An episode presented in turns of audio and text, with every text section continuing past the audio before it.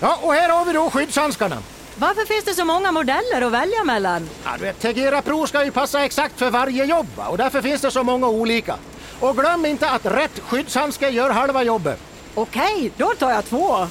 Tegera Pro, skyddshandskar för yrkesproffs. Just nu får du extra hjälp att välja i butik.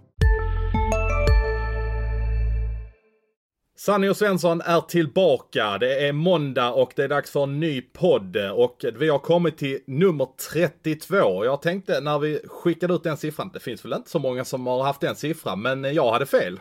Man tänkte att tänkte 32 det är ett målvaktsnummer, men det har ju visat sig ett ganska starkt backnummer. Vi river av tre namn direkt. Radek Hammer, nummer 32 i Färjestad. En annan 32 i just Färjestad, Magnus Nygren, den hårdskjutande guldhjälten från 2011. Och en av mina favoritbackar de senaste åren i SHL, Lukas Bengtsson, vilken elegant. På tal om favoritbackar så finns det ju en favorit som dessvärre har lagt skridskorna på hyllan. Eh, en riktig legendar i Tingsryd. Robin Olsson ska nämnas med nummer 32. En annan 32a som också är lite grann av en legendar i sin klubb är ju Thomas Ljungberg i HV71. Han avgjorde väl någon sudden långkörare där 95. Jag minns inte om det var kvart, semi eller final, men det var en sån där riktig midnattsmatch som han eh, avgjorde, minns jag. Man, äl man älskar de matcherna. Och sen har vi Jens Bergenström, en riktig Leksandslegendar. Jobbar numera som mäklare faktiskt i eh, Borlänge om jag inte är helt fel påläst. Två 32 år i eh, Luleå de senaste åren. Eh, Oskar Engsund, nuvarande 32 i Luleå, en riktig backtuffing som har tagit stora steg där. Sen en Lennart. Det måste alltid finnas plats för en Lennart. Hur många Lennart har vi haft i modern tid i svensk hockey? Ja, Lennart Petrell igen i alla fall. En som skulle kunna heta Lennart sett till utseendet måste ju nästan vara Jesper Dus. Eh, kommer du ihåg han Modobacken? definitivt, definitivt. Han, han, han, han har ju verkligen ett aura att kunna heta Lennart. Han är en Lennart Dus. Ja, det borde han heta.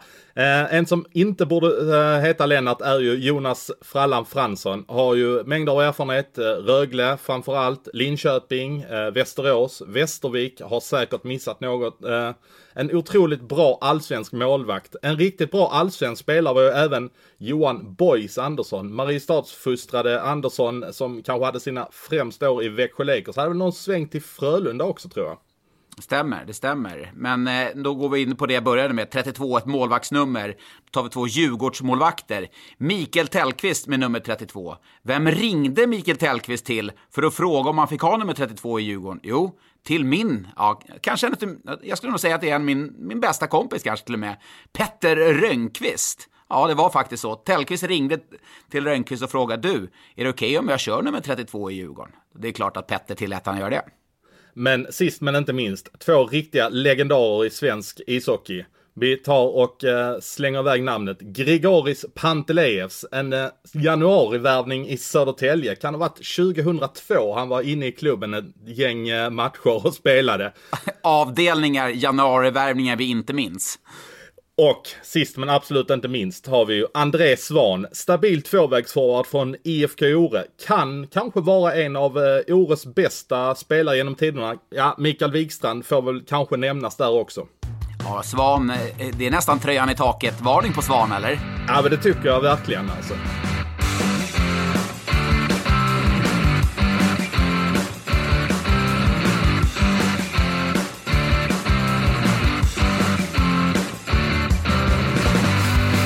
Ja, vi är inne på avsnitt 32 och jag tänker det är väl lika bra att jag river av det här plåstret med en gång. Det, det här kommer vara säsongens eh, sista podd. Lite sorgligt är det, men så är faktiskt fallet.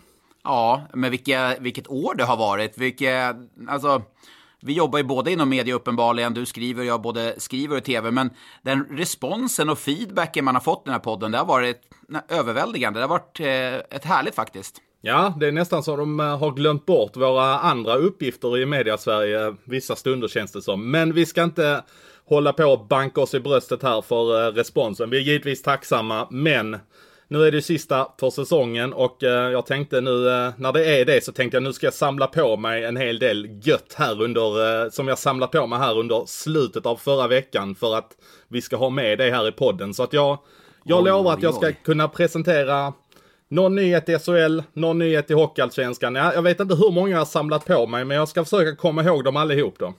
Oj, oj, oj. Men du, jag har också ett krav här nästan. Jag, jag tycker, du har ju något form av skägg har du sparat här. Är det, det, hur länge kommer det skägget sitta i? Ah, det, det tror jag nästan kan ryka ikväll. Det, jag fattar inte hur du kan leva med det. Alltså jag tror bara det är en 8-10 dagar jag har haft det här nu och uh, nej, det, det känns inte som det är jag faktiskt. Jag tycker du ser mer hunkig ut i skägg faktiskt. nej, tala för dig själv. Nej, men jag, jag, tror vi ska dra igång någon kampanj. Svensson med skägg 2021 eller något sånt här. ja, men nu är det Hashtag. 2020. Nu är det ja, men du får spara till 2021 om du ska kunna komma upp i min nivå, tänker jag. Ja, jag tror inte det hade behövts mer än ett par veckor. Men eh, nej, mitt skägg ska vi kanske inte prata så mycket om. Det är nog inte så mycket att hänga i granen. Men du, jag ser fram vilket avsnitt vi har framför oss när du ska avslöja. Du har ju en hel liksom en, Ja, ja jag, har, jag vet några som du har där i alla fall, men jag har inte riktigt koll på alla, så det kommer väl kanske någon liten överraskning för mig också. Jag hoppas det i alla fall. Det är någonting mm. som jag har hållit dig lite på halster eh, i alla fall. Men du, du, du inget avslöjande om den tröja jag har på mig. Du ser vilken tröja jag har på mig? Jajamän, han är med denna veckan också. Dammis. Damberg. Damberg materialen. Den här tröjan som jag köpte av HV71. Dammis-tröjan. Varje podd ska jag ha den från och med tre, ja det var tre veckor sedan. Men nu ska jag alltid ha den här. Jag tycker vi ska börja den här podden med att vi ska slänga oss ner i Örebro. Vi tar väl vid lite grann där vi avslutade sist när du klämde in en fempoängare i eh, Elite Prospect-spelaren med eh, Marcus Weinstock. Och eh, under veckan så annonserades det att Weinstock inte ska vara kvar i Örebro efter tio säsonger. Och vad tänker vi? Jag tänker ju att det är en trotjänare till som eh, försvinner från en klubb. Men eh, det verkar inte som att det finns något raseriutbrott i Weinstock på något sätt här. Nej, det gör det väl inte. Men det här är väl, ska vi säga, den första trotjänaren som jag riktigt känner med eller för. Eh, Weinstock hade jag gärna sett ett kanske till och med två år till. Han har inte samma klös i skridskoåkningen. Men sett till vad han eh, har haft i lön de senaste åren och förmodligen vad han hade kunnat tänkt sig att spela för eh, vilken roll han har, har varit beredd att, att ta och skulle kunna ta. Eh, perfekt i olika roller, kan spela boxplay, kan faktiskt spela powerplay fortfarande. Så jag är förvånad att man, att man inte förlänger faktiskt med Weinstock. Det är, eh, det är väl den av alla de här trotjänarna, Jakob Blomqvist, Stålberg, Oskarsund och Martin Törnberg, som jag verkligen känner att nej, det där hade man nog kunnat kört ett år till. Ja, men då väger man ju verkligen in det här som du eh, är inne på också med det här lönekuvertet som man faktiskt måste väga in i de här sammanhangen för att eh, han har ju faktiskt dragit på sig en eller två bot här under säsongen och eh, han har ju faktiskt inte haft en lön på mer än 50 000 kronor i månaden, vilket är naturligtvis mycket pengar för en vanlig arbetare, men i SHL är det ju på den definitivt nedre halvan. Ja, det är alltså, vi säger att en snittlön, eller en snittlön i SHL ligger på 121 000 kronor i månaden. då är det bara, jag tycker att Marcus Weinstock är en medelspelare. Jag, jag, säger inte bara för att jag säger att han ska stanna så tycker jag inte att han är en stjärnspelare, men jag tycker att han är en, en över en medelspelare i SHL och klarar olika roller. Så att, att han har spelat för 50 000, det har Örebro fått för ett reapris i väldigt, väldigt många år. Och jag såg Stefan Bengtzéns uttalanden där att ja, eh, han kanske inte kan få den rollen och om det var, det var en fråga från eh, Närkes Allehanda om de inte ville ha en Johan Wiklander situation där gamla Örebro-spelaren som blev utlånad till Bofors. Men i det här fallet så är det ju så att Weinstock, han kräver ju ingen roll på något sätt. Jag menar, skulle han få ett trettonde forward så hade ju han köpt det. Ja, men så är det ju. Att eh, det, det blir ju en sån situation, men å andra sidan är det inte bättre att man bryter om man känner, vi vet ju kanske inte riktigt hur situationen ser ut, hur mår Marcus Weinstocks kropp? Han har spelat mycket matcher, han har ju aldrig varit skadad i stort sett. Nej. Och, eh, ja, men det, då är det väl ännu en anledning att förlänga. Hade, hade de sett här de senaste tre åren han missat 10 matcher, 15, missar 20, då är det en helt annan sak. Typ Martin Törnberg som missar mycket matcher. Men här är enda gången han inte har spelat, det är ju faktiskt när han varit avstängd. Ja men så är det ju. Så att, eh, men när han blir 36 så, eh, ja, någon gång ska man ju, ska man bryta. Men jag, jag kan hålla med dig om att eh, med de pengarna och det värdet som han står för i Örebro så tycker jag definitivt att han borde vara en av 14 forwards man har i truppen. Alltså jag är inte den sentimentala typen. Jag, jag, jag, vet, jag vet, hockey det är grymt på, på sätt och vis att presterar du inte så, så får du inte spela. Det ser man ju nu Henrik Lundqvist till exempel, New York Rangers. Och där skriker ju alla åh han borde få spela och de behandlar honom si och så. Eh, den enkla faktan, Rangers tycker att de har två bättre målvakter än, än Henrik Lundqvist. Varför ska han få vara kvar för att han har gjort 15 säsonger där tidigare? De måste ju ha det bästa tänkbara laget nu. Jag hävdar dock att Weinstock i det här fallet skulle fortfarande göra Örebro till ett bättre lag. Nu, är du, nu tar du bara parti för honom för du drog på dig en fempoängare på honom i förra veckan. Ja, han har ju spelat i Huddinge också. Lite grann så. Men en sak jag faktiskt slogs av när jag såg att det var Bengt Sen som uttalade sig är vem är det egentligen som, som styr sporten i Örebro? Jag menar, Bengtzén är ju, han är ju anställd som en general manager, ett uh, ord som du älskar, eller en titel som du älskar. Ja. Och sen han, han, känns, han, han, har, vänta nu, han har ingen general manager-aura runt, så har han det? Ja, men vad Bengtzén. innebär det då? Ja men alltså Bengtzén, han är lite bonnig, han är, han är skön på sitt sätt. Men en general manager är en som kommer och bär upp en kostym, en figursydd kostym och glider in på ett möte och liksom ett, bara, eh, liksom eh, hela rummet liksom bara, här är jag, håll käften, här är jag. Det är ju en general manager. Och Bengtzén har inte den auran då? Är Bengtzén mer åt busschaufförshållet eller? Nej, det, nej, det är inte åt Roger Melin-hållet. Det, det, är han absolut inte. Men han är en, han är en liten baloo sådär, liten skön gubbe. Han är ingen sån här general manager. Men det, han är trots allt general manager och ja, Niklas Johansson är eh, sportchef. Och eh, hur ska man hålla isär det där egentligen? För att Bengtzén är ju den som bestämmer över Niklas Johansson, men Niklas Johansson bestämmer över A-laget. Och helt plötsligt så är det Bengtzén som uttalar sig om en spelare som inte får vara kvar i A-laget. Jag känner att visst, de har väl säkert koll på grejerna, men vem är det egentligen som har det sista avgörande beslutet när det gäller saker som sker i A-laget? Ja, det där är en väldigt intressant fråga. Jag intervjuade Stefan Bengtzén i, i höstas, var det precis när han anslöt där till, eh, till Örebro och frågade hur ska ni lägga upp arbetsfördelningen? Ja, det får växa fram lite, utan där får vi lära känna varandra, var hans svar då. Eh, och det är väl kanske så de har, måste ha hittat något arbetssätt eh, för att stärk, göra varandra bättre, alltså ta fram sina styrkor. Men jag ser också här, Bengtzén är ju en person som har, ja men i Bofors, Karlskrona, även i Gävle, Brynäs, han styr mycket. Det är, han är en styrande person.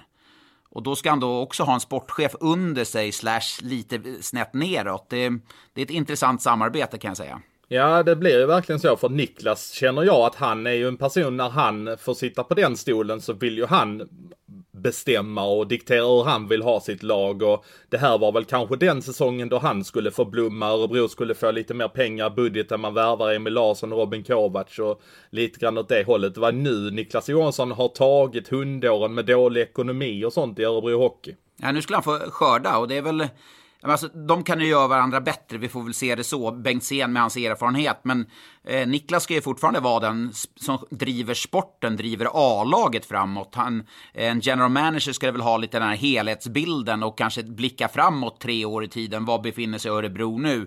En sportchef kanske har ju mera här och nu. Vad behöver vi nu? Samtidigt så är det ju Bengtzén som säkert måste godkänna det Niklas eh, kommer med eftersom han ändå är Niklas chef. Ja, det är, ganska, det är väl lite annorlunda eh, arbetssätt då för Niklas nu. Tidigare säkert behövt bolla med styrelsen och några personer där för att, med, med ekonomi och så. Men nu mm, när han tar ett beslut, eh, då måste ju han få det godkänt av sin chef som då är Bengtzén. Men en fråga som eh, både Bengtzén och eh, Niklas Johansson behöver ta tag i är ju faktiskt den här målvaktsfrågan i Örebro ja, vad Hockey. Händer, vad händer? Alltså det vad kan händer? man verkligen fråga sig för att nu, vi var ute tidigt här att de var ute efter Jonas Enroth och eh, senare under eh, säsongen så eh, meddelade då Sportbladet att det till och med var klart och sen så började det läcka ut uppgifter på att Örebro ville backa ur den här affären.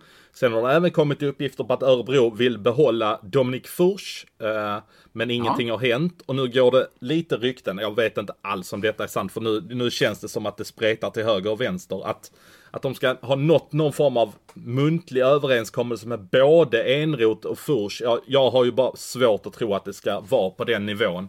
Eh, vad, eh, vad kommer det här utmynna är ju det jag eh, undrar nu. Ja, jag, eh, jag har faktiskt ingen aning. Det känns jävligt rörigt det här. Ursäkta. ursäkta. Eh, och sen har jag hört att, nu att att de ska gå efter någon helt annat, att de inte ska ha någon av målvakterna. Att de skulle gå på ett helt tredje spår. Jag vet inte om det stämmer, men i den här lilla hockeybubblan eller sandlådan som man sitter i ibland så vet man inte vad man ska tro. Men Ja, Enroth och Fürch, det är, ju, det är ju klassmålvakter och man kan ju säga så här, man har ju bara råd att ha en av dem och man har bara plats för en av dem. Så, ja, så kan vi slå fast. Dessutom så har Jonas Arntzen eh, kontrakt eh, som ska vara andra målvakter. Intressant det du säger att det kanske ska finnas ett tredje namn med i leken för att ja, man får mail och man får saker som inte stämmer. Det var faktiskt en person som mejlade mig i veckan och sa att Joel Lassinantti skulle till och med vara aktuell för uh, Örebro. men men det, det, det, känner jag att kan det verkligen stämma? Nej, jag har svårt att tro det. Men man ska väl Nej. aldrig säga aldrig. Ja men tänk dig det vet du, herre min gud. Kovacs, Emil Larsson och sen fansens favorit Joel Lassinantti. Nej det, det, det är svårt. Men samtidigt, vi var inne på det förra veckan, Joel, situationen med Joel Lassinen. Joel Lassinantti, där var ju Luleå ute och, och, och, pratade i NSD och sa att eh, det inte fanns något utrymme nu när KL-kontraktet hade gått i stöpet, Ja, men då måste Lassinantti måste ha ett jobb. Han måste, vadå, han, han måste ju ha ett jobb liksom. Intressant också där med Lassinantti för att eh, jag har fått ta del av eh, lite information som har gått ut från Luleå Hockey till lite sponsorer och eh, det var faktiskt en liten nyhet som jag tänkte ta upp här nu att eh, att eh, där finns lite olika citat i, de, i den här texten som har gått ut till sponsorer. Eh, jag säger inte från vem för det känns onödigt eh, att, att, att säga det. För att eh, men eh, eh, där, där går alltså ambitionen ut på att de vill säkra upp pengar för att behålla Joel Lassinantti. Eh, och även att de har en förhoppning om att Nils Lundqvist ska välja att ta ett år till i Luleå Hockey. Och då är det ju verkligen bara att gratulera om de lyckas ro i hamn med det där för att eh, då eh, hamnar de i en riktigt bra situation. Det är bara ställa in säsongen 2021, det är bara skicka bucklan till Luleå. Vadå, de ska få behålla, eller de har, ska behålla Lassinantti och ha De har en ambition för... om att göra det. De försöker att hitta någon form av ekonomiska medel för att kunna behålla honom. Men då kan man ju säga, alltså, den, de var ju ute och pratade i lokalmedia och sa att de inte hade Eh, pengar för Lassinantti. Det var ju, alltså, jag, jag kanske säger inte att det är strategiskt, jag ska inte hänga ut NSD, jag har gjort det tidigare. Men det var ju ändå ett ganska bra sätt för att, att få sponsorer att vakna och säga, oj, Lassinantti ska, men ha, det är en Luleå-kille, honom måste vi ha kvar. Ja, men eh, jag tänker ju inte bara på Lassinantti, jag tycker, tänker på Nils Lundqvist. Om chanserna ja, är... finns att han ska bli kvar i Luleå. Det kom ju som en chock för mig, måste jag säga. Ja, det, är ju, det är ju helt sinnessjukt om han blir kvar. Alltså, det, jag tyckte också, alltså, den informationen, skulle han, skulle han bli kvar en säsong till, han, han kan göra 45 poäng vet du, i Luleå. Alltså, han var ju så, så brutalt bra den här säsongen och kommer ju bli ännu bättre nästa säsong. Så att, skulle han få vara kvar så har ju Luleå Erik Gustafsson, ja, bäste back. Och eh, Nils Lundqvist, etta, tvåa back där. Plus att man har då... Nej, det ser jäkligt bra ut i så fall. Ja, men då har de ju mer eller mindre inte tappat någonting eh, av värde skulle man kunna säga. Nej, exakt så är det. Och då... Nej, intressant eh, mail du har fått ta del av kan jag säga. Nu, nu, jag, känner, jag ska säga, jag känner inte riktigt igen det här när du ler med skägget, men det är en annan sak. Jag ser när, när du har något lurt på gång, då, då känner jag igen leendet. Men, men skägget lurar mig lite. det där skägget är ju så överdrivet så det finns inte. Men, eh, Nej, äh, men strunt i det. Vi, äh, jag tycker vi går vidare från det där, för att det där, äh, det känns ju som att det är nästan för bra för att vara sant om det skulle hända. Men trots allt har det gått ut ett mail till sponsorer och att Luleå försöker hitta någon lösning. Men i Luleå så eh, har det skett eh, en ganska stor affär eh, under veckan som gick. Eh, jag fick ju nys om på, vad kan det ha varit, onsdag morgon förra veckan. Att eh, Per Kente och Hans Wallson skulle träffas i Luleå och göra en slutförhandling om att han skulle ta över som tränare i eh, Björklöven. Ja, vilken bomb! Alltså det, ju, det, finns ju så mycket i den som är så otroligt intressant. Nummer ett. Skellefteå, vad skriker de på läktaren? Vi, de hatar Löven. Vad det kvittar vilka, de, möter, det kvittar vilka ja. de möter. Det, är Nej, bara, de... det kan komma när som under vilken match som helst. Och, och, man får väl ändå säga att det är väl en eh, Skellefteå legendar, eh, får vi ändå säga, att Hans Wallson är. Två guld, två av föreningens guld, två av föreningens tre guld ska jag säga, då Hans Wallson tränat dem. Och han var ju de som liksom tog eh, död på den där guldtorkan sedan 79, mellan 79 och 2013. Eh, så att han har ju en, en, hög status där. Och att han kliver in i Björklövens bås, det är helt otroligt. Att han dessutom gör i Hockeyallsvenskan. Han måste ju, alltså alla klubbar, så fort det har varit en, eh, en tränare, någon som har sparkats eller någon ledig, så, ah, vad finns det för namn? Hans Wallson? Hans Wallson? Wallson kanske? Och så landar han i Löven. Jag tycker det är skitcoolt. Men vad är det som gör att Löven får tag i en sån tränare? För nu har han inte varit aktiv här sedan 2016-2017. Han sparkades i, eh, eller nej 2017-2018 förlåt. Slutet av december 2017 fick han ju sparken där, eh, Hans Wallson. Är det att han eh, att sista lönen har trillat in på kontot nu så att han är sugen på ett nytt uppdrag har han fått hämta sig lite, vill visa vad han går för. Ja, jag tror det kan vara så. Eh, liksom fått se hockey från en annan... Eh, men han, även om han bara var i Skellefteås A-lag i några år så var han ju J18, J20, så han var ju tränat länge på så sätt fått se hockey, luta sig tillbaka, fått liksom nya influenser, nya intryck. Sen skulle jag vilja säga, det här kan, kanske inte många tror, men jag skulle vilja säga att Björklöven är kanske en av de mest attraktiva tränarjobben i Hockey-Sverige. Och jag ska förklara varför. För nu, just nu så är Björklöven kommer gå in i säsongen som en av favoriterna i Hockeyallsvenskan. De kommer ha jättestora möjligheter att ta sig upp. Jag vet att det är en lång väg med slutspel och allting, men de har varit inne på det tidigare, de behöver inte slå ut ett lag från SHL för att ta sig upp. Och Per Kente med det han har gjort och kunna värva spelare. Om Hans Wallson då tar upp Björklöven efter alla mörka år, då kommer han ju ha en legendarstatus där också. Det är ett jätte, alltså det är en, det är, alltså han skulle ha en enorm status i båda städerna. Sa du, sa och, du också? För att jag tror att den legendarstatusen som finns ja, i Skellefteå jag... är numera fanns i Skellefteå. Ja, såklart. Men samtidigt får man inte... Han, han har ändå lett klubben till två av tre guld, som jag sa tidigare. Men ja, jag tycker att det är en så jä... Den smäller högt, den här värvningen. Och, och jag förstår också, när jag började, ju mer jag började tänka på det, så först var jag Chock är väl, är väl det kanske lite, lite stort ord, men eh, när jag väl hade liksom samlat mig lite så tyckte jag ändå att men fan, Löven är nog en av de mest intressanta tränarjobben man kan ha i Hockeysverige. Ja, det var rätt intressant eh, då när jag berättade för dig där på förmiddagen innan jag eh, skulle skriva nyheten. Jag försökte jaga Per Kente hela förmiddagen där. Han svarade inte, svarade inte. Men så var det strax efter lunchtid som han svarade och lät han ju så jäkla nöjd när när jag eh, ringde upp honom. Eh, men jag, eh, jag, vi skulle ha en gissningstävling där på förmiddagen och det tog lång tid innan du lyckades luska ut att det var Wallson som skulle till Björklöven. Så det, det kom ju verkligen från ingenstans. Ja, jag, alltså, hur många klubbar gissade jag på? Jag, jag, jag gissade på klubbar i SHL som redan hade tränare som jag tänkte, ska han gå där? Nej, men vad, jag tror till och med jag gissade på Frölunda, va? Ja, det kan nog vara så. Nej, ja, ja. det kom ju verkligen från ingenstans det där. Det ska bli intressant att se vad... Um vad Valsson kan göra här i eh, Björklöven. Eh, de kommer få ett bra lag även om de har tappat lite spelare eh, under senaste veckan. Herman Aktell har gått till Växjö och så har de tappat Oliver Larsen också och han går väl till Oskarshamn som vi skrev om i fredags innan det då kom ut att han skulle lämna. Så vi antar väl att det fortfarande är Oskarshamn som är aktuellt för honom. Men det är också intressant, eh, bara för att runda av det här med Hans Wallson. När han var då och vann guld 13 och 14 med Skellefteå så var det många som sa att ja, men de har så bra lag, de är så överlägsna. Ja, spelarmässigt, spelare för spelare, så hade de ett jäkligt bra lag.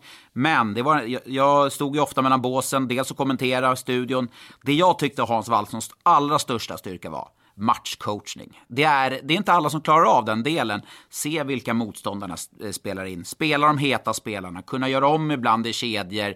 Alltså den typen av coach tycker jag att Hans Wallson är. Och den, den, det är någonting som inte alla har. Det finns ju tränare som är jätteduktiga, men de har inte den här eh, fingertoppskänslan i matchcoachningen. Så att det, det är kanske hans största styrka. Eh, jag ser ju inte dagligen hur de tränar och så, men just av det jag ser så tycker jag det är hans styrka.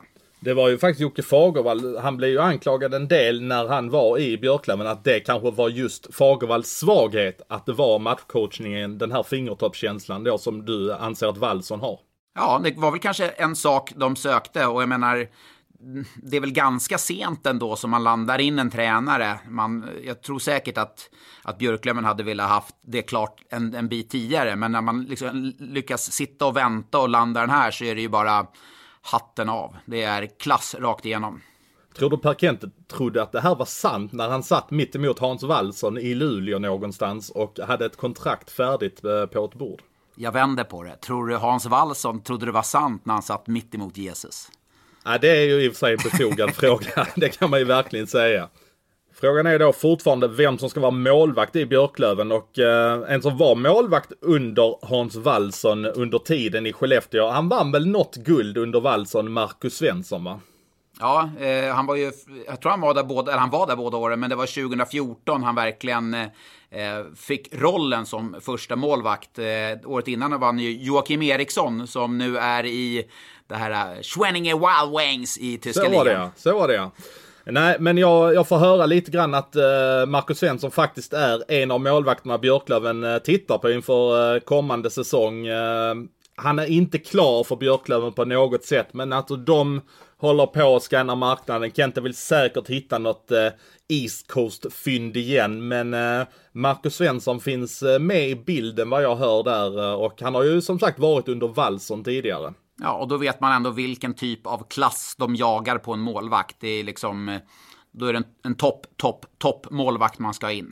Då är ju också frågan eh, vilken nivå Marcus Svensson håller. Eh, om han ska komma in i Björklöven, motivation och så vidare. Det borde ju ändå inte vara några problem med motivation. Har precis blivit eh, undanskyfflad av eh, Arvid Holm. Så att det är klart att det måste finnas motivation i Marcus Svensson. Definitivt. Det är helt övertygad om. Komma till en ny miljö. Jag tror fort, fortsatt han skulle göra det bra i SHL med en eh, ny omgivning och eh, mer förtroende än man hade här i Färjestad senaste året. Så att, eh, jag tror eh, fortsatt att eh, Svensson har ett par bra år kvar i kroppen. Men innan vi lämnar Västerbotten där uppe så vill jag faktiskt också säga en annan nyhet som rör ja, Västerbotten. Men nu, herregud vad du kör Svensson! Nu kör vi! Nej, det är um, faktiskt så att Darren Nowick uh, har bestämt sig för att uh, stanna i Skellefteå och uh, då är det väl mer eller mindre så att de spikar forwardsbesättningen när Nowick nu är klar då enligt mina uppgifter. Ja, och Nowick var ju faktiskt en positiv överraskning när han, när han kom in där i i, i, under, vad ska vi, vi är inte riktigt att säga i fjol eller? Det är när podden, när podden är klar, det är i sista avsnittet, då är det i fjol, eller hur? Då är det förra säsongen. Ja, så han kom in och gjorde det bra den här säsongen. ja, men exakt. eh, vad, vad var det han var bra på tyckte du? Ja, men tyckte han var intensiv och, och liksom kunde skapa lägen själv åt sina kedjekamrater, går att ha i olika roller, men framförallt den här intensiteten och ta sig till lägen tyckte han överraskade. Då ska jag säga att jag inte hade speciellt stora förväntningar. En annan med eh, Skellefteå-anknytning som eh, också eh, kommer hamna i en klubb till nästa säsong är ju Erik Hanses faktiskt. Hör jag också är klar. Han kommer inte bli kvar i Modo. Han kommer hamna i en ny klubb. Han kommer hamna i Almtuna kommande säsong. Almtuna varvade Anton Björkman också var förra veckan. Ja men precis, eh, från eh, Linköping. Var med under Oskarshamns eh, uppgång till SHL. Han är ju också klar för Almtuna som jag har förstått det. Ja men intressant ändå tycker jag. Hanses, hans säsong i år var ju, ja, det var ju misslyckande skulle jag vilja säga. han är en okej okay hockeyallsvensk målvakt, men kanske behöver komma till ett lag som inte har ambitioner att gå upp. Då tror jag han kan göra det bra. Och ett sånt lag är ju Almtuna. Men det är faktiskt inte bara Erik Hanse som, eh, som hamnar i Almtuna, eller jag vet inte om den andra hamnar i Almtuna, men jag fick ett väldigt intressant mail här eh, faktiskt precis innan vi skulle sätta igång eh, denna inspelningen. Och det är faktiskt en tipsare som brukar vara rätt på det, men nu ifrågasätter jag honom faktiskt kraftigt. Jag borde inte göra det för den här personen har alltid rätt. Men han hävdar alltså att Emil Berglund i Timrå som har ett kontrakt ska ner och spela i Almtuna nästa säsong. Som sagt, jag, jag vill verkligen skydda mig själv för att det här kan det här kan vara rent nonsens, men jag tror inte det är det för, med tanke på den som tipsar. Att han skulle då lämna Timrå för att eh, åka ner till Uppsala och spela istället. Jag menar, han har ju precis öppnat en spelbutik i Sundsvall med eh, Kent Nubben Norberg va? Ja, och eh, farsan Challe Berglund är med på, på, på ett hörn där också. Han har ju, Emil har ju rotat sig i eh, Sundsvall och Timrå, kapten och är liksom lite av den ja, men en le, alltså han är en, den tydliga ledaren ändå för, för Timrå som, som kapten. Absolut inte den bästa spelaren. Han är ju en tredje, fjärde kedja spelare på sin höjd, men han är ju en viktig liksom, symbolvärde på något sätt för Timrå eftersom han har varit där så länge. Eh, jag, jag vill inte ifrågasätta dina tipsar eller de som du får tips av, men den här reagerar jag det kan inte vara sant. Så känner jag bara. Ja, nej, jag kände exakt samma sak, så därför så vill jag bara droppa det lite lätt och sen så får jag helt enkelt undersöka det om det verkligen stämmer. För jag, jag har försökt få tag på både Nubben och jag har försökt få tag på eh, Emil Berglund här precis innan vi satte igång bara för att få antingen en dementi eller någon form av bekräftelse på det. För jag, jag, tyckte det lät ganska konstigt att han skulle ner där med tanke på den sociala situationen också men kanske vill ha en större roll. Det är alltså, han har ju ingen jätteroll, bortsett från att han är kapten. Det är ju alltid en stor roll på så sätt. Men just i det spelmässiga så har han ju liksom inte en en toppkedjeroll. Det är kanske sånt han söker. Jag vet att Emil Berglund, det året Timrå gick upp innan den säsongen så vet jag att eh, eh, Oskarshamn hörde av sig till honom och han var lite sugen på att kanske åka ner dit och spela. Eh, och det var väl för att känna att han skulle få en större roll. Så det, det är kanske någonting som fortfarande ligger i honom och just den känslan. Men just med tanke på hur rotad han är, spelbutiken och... Eh, nej, det, jag, jag har svårt att se det. Jag har en teori, jag tror inte den stämmer, men eh, han, eh, han kanske vill komma närmre travhästarna på Stora Alby. Det är väl hans, vad är det, hans uh, morfar som är Stig H Johansson eller? Ja, exakt. Klassiskt namn. Stig H Johansson. Ja. Jag har ingen trav, men det, det namnet klingar väl. Liksom. Stig H Johansson, det, det, det, kunde man. Han kanske vill satsa på travet och få ännu mer inside och vinna ännu mer miljoner. Därför så flyttar han istället ner kring Uppsala och där runt Solvalla då. Vi kan säga att det är, eh, så här mycket har vi inte pratat om Almtuna i den här podden och det är ju roligt. Där vill jag bara göra en liten parentes. Tony Mårtensson läste jag för någon vecka sedan eh, som avslutade sin karriär nu eh, sista året här var i Almtuna. Jag måste bara, så enormt mycket respekt för Tony Mårtensson. Den ändå kärleken till sporten. kom hem till Linköping efter några år i Lugano, ingen supersuccé. Ner till Almtuna, två säsonger, dundersuccé. Liksom öst in poäng och har haft en så otroligt framgångsrik karriär. Eh, en spelare och person som jag respekterar enormt mycket. När vi sitter och spelar in det här avsnittet så har väl förmodligen Björn Hellkvist eh, kommit upp till Örnsköldsvik eh, igen för, jag vet inte varför han är där, men han är ju fortfarande Modos tränare och han skulle då komma upp till Övik den här sista helgen i april för att helt enkelt återkomma till sitt jobb som jag har förstått det och Ja, frågan är om han har något jobb att återvända till. Jag tror det satt på Höga Kusten-bron. Välkommen hem. Jag tror det satt en, en stor banderoll, signerat Björn, Björn Hellkvist. Välkommen hem. Ja, förmodligen. Nej, det gjorde det givetvis inte. Men uh, ja, jag tror han, uh, jag tror inte han har gått ut och käkat öppet i Örnsköldsvik om vi säger så. Nej, det, det, det har jag svårt att se med, med tanke på den som vi har varit inne på podden för er som inte hängt med. Det är ju Björn Hellkvist som öppet har flörtat med Leksand. Tycker inte han har haft energi och bygga upp Modo igen. Ett Modo som han skrev så sent som i januari. Ett treårskontrakt med och nu vill lämna. Så att det är liksom, det är ohållbart. Så jag, jag ser ju bara att han ska rita upp och packa upp grejerna och lämna Övik i stort sett. Ja, det blir ju en styrelsefråga nu som jag har förstått det. Uh, han eh, kommer väl förmodligen att träffa styrelsen här uh, under den här tiden han är uppe i Övik. Och ambitionen från båda sidor måste väl helt enkelt vara att hitta någon form av lösning på det här. Tänk om Johan Videbro har hyrt in Alcatraz där och sjunger de så här. Kom hem, vi börjar om igen. Det, det hade varit skönt va? Och han bara hette, känner... hette de verkligen Alcatraz, de som sjöng det? Va, va, va, var det inte det? Nej, vilka var det då? Magnus Karlsson var väl med i något band? Magnus som... Okej, okay, ja men det kanske, ja förlåta, förlåta Alcatraz som jag, eller Magnus Karlsson som jag ska förlåta. Men det, om Magnus Karlsson kommer upp dit och sjunger, han kanske har någon litet mod och hjärta, jag vet inte. Det hade väl varit lite läckert och så sänder de det på sociala medier och, och livesänder och streamar och Hade säkert Öviks landat bo... jättebra hos fansen. Jättebra hade landat. Det, det är lite som eh, Friggebo där som, eller när hon sjöng eh, We shall overcome. Det var kanske samma klass, jag vet inte riktigt. Ah, vi, det är det väl kanske inte.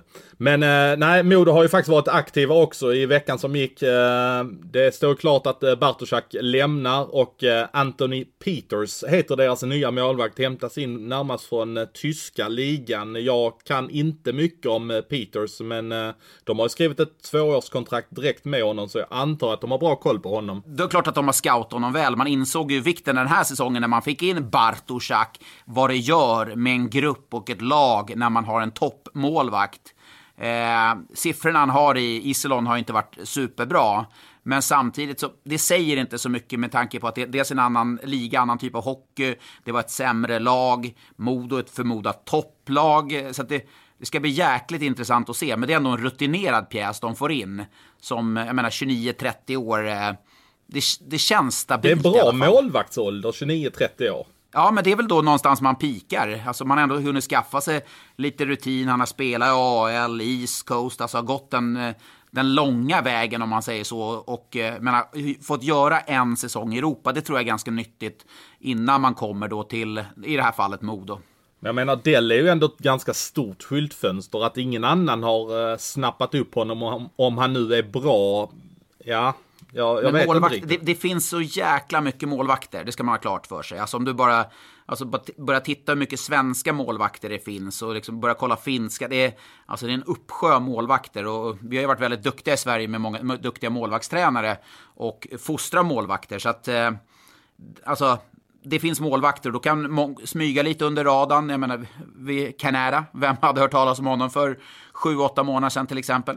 Nej, nej men så är det ju. Eh, jag funderar lite grann på det. Vad, vad ska de kunna ha för referenser? Kan det vara så att Jan Axel Allavara har varit inblandad här? Den gamla Modobacken. Han är väl sportchef eh, nere i Adler Mannheim nu va?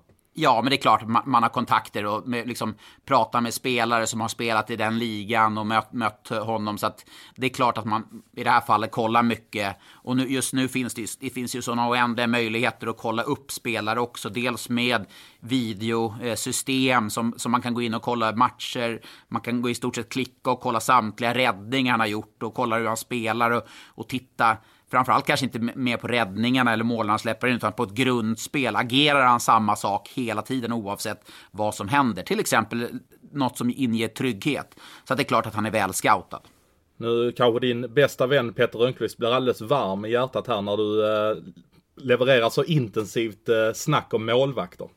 ja, ja, men är, är, man, är han min bästa kompis så får man visa kärlek till målvakter. Men Modo nöjde sig inte bara med, eh, med honom utan ungefär samtidigt så presenterar man även Brendan Mickelson. Och om, om eh, Anthony Peters är på eh, toppen av sin karriär kanske som 29-30-åring så får man nästan säga att Mickelson har varit på toppen av sin karriär kanske när han var i NHL och så har han haft ett gäng år i Europa nu. Var först i Luleå och sen var han i tyska ligan och nu har han spelat i österrikiska ligan senaste året. Eh, vad säger vi om honom? Han är 32 år nu, Mickelson. Han var väl ganska bra ändå i Luleå kan jag tycka.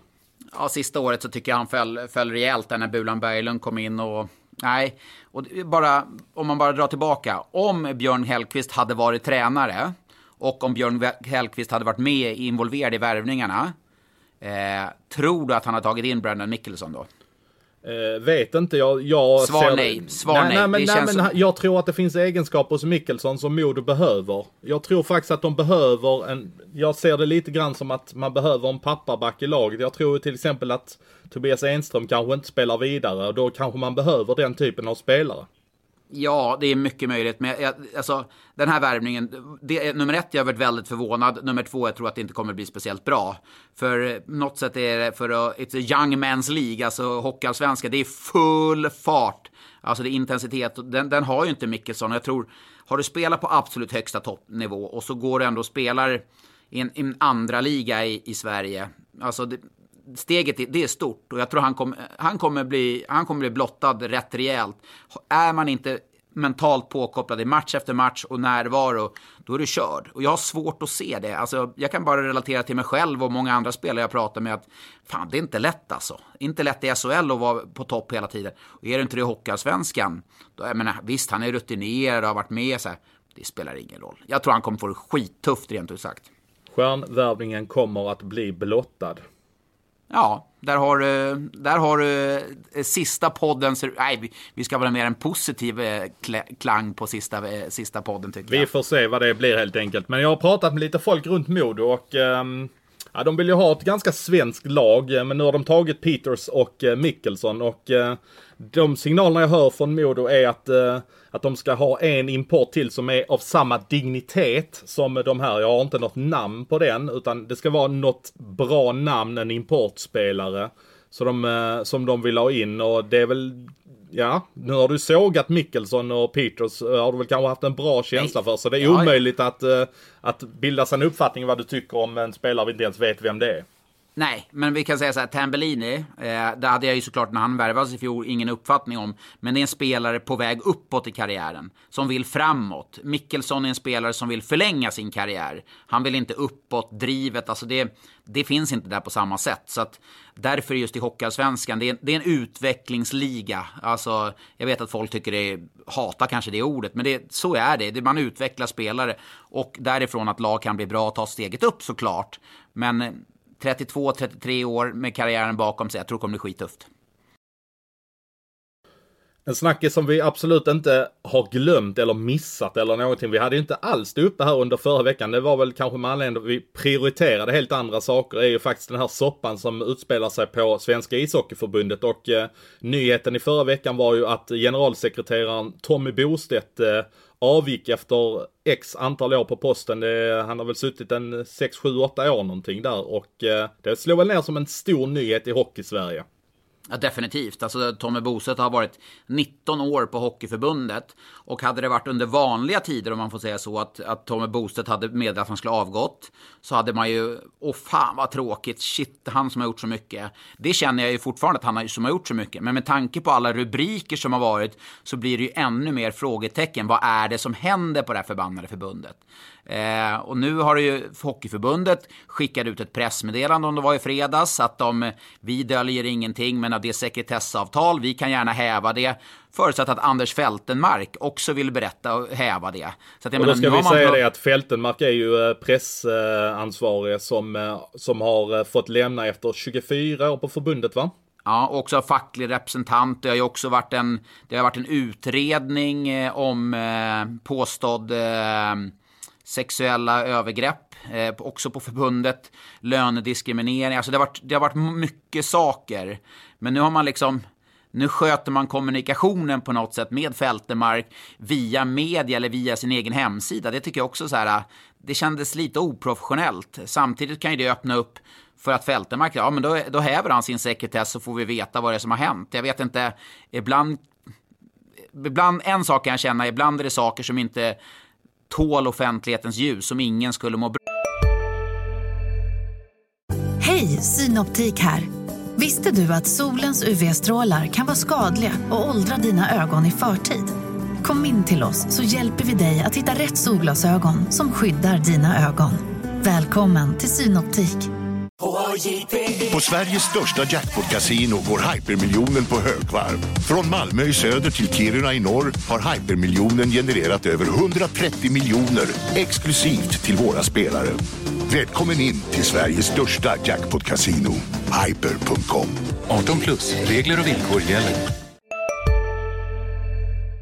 Av. Samtidigt tror jag varit ett klimat inom Hockeyförbundet där det har varit Alltså, man, man, man har stängt inne mycket saker och det, det, det funkar inte 2020. Så var, hur kommer vi vidare från det här? Dels så måste det in en, nu när boostet, så måste det in en, en stark person skulle jag vilja säga. Sen är inte jag helt säker på att Anders Larsson som är ordförande är, är egentligen rätt person heller. Jag tror Anders Larsson är en väldigt ambitiös som, som säkert vill uppåt i karriären, säkert bli någon sportminister. Alltså, han, är på väg, han, vill, han vill uppåt i karriären. Men jag tror samtidigt en ren hockey, hockey, du behöver inte ha en hockeymänniska, du kan ha någon helt utanför som kommer in med helt nya ögon. Så jag är inte helt främmande för att det kommer ske stora förändringar framöver heller. Och eh, med en sån som Anders Larsson, om inte han klarar att reda ut det här, att han kanske ska lämna och Ja, alltså den här soppan, eh, den är, den är bara jävligt jobbig att prata om. För det, Hockeyförbundet ska någonstans stå för, vad ska jag säga, trygghet. Och det kan man inte direkt påstå att de gör. Om det är någon människa som pratar så mycket utan att säga någonting egentligen så är det väl Anders Larsson den senaste veckan. Jag tror du skulle säga mig där, för jag tyckte jag pratade jäkligt mycket utan att säga någonting. ja, det, jag tycker du säger väldigt mycket bra saker måste jag säga. Nej, men du har helt rätt. Han är ju, det är ju politikers svar. Han, han, kan, han pratar ju jättelänge och så vet, man, så vet man till slut ingenting. Och det har ju varit mycket fokus nu på Anders Larsson med tanke på den här säsongen som avbröts i förtid. hur ska man göra med kval och, och så vidare. Det har ju varit eh, fokus på honom som han aldrig hade, någon hade kunnat föreställa, ska, ska jag vilja säga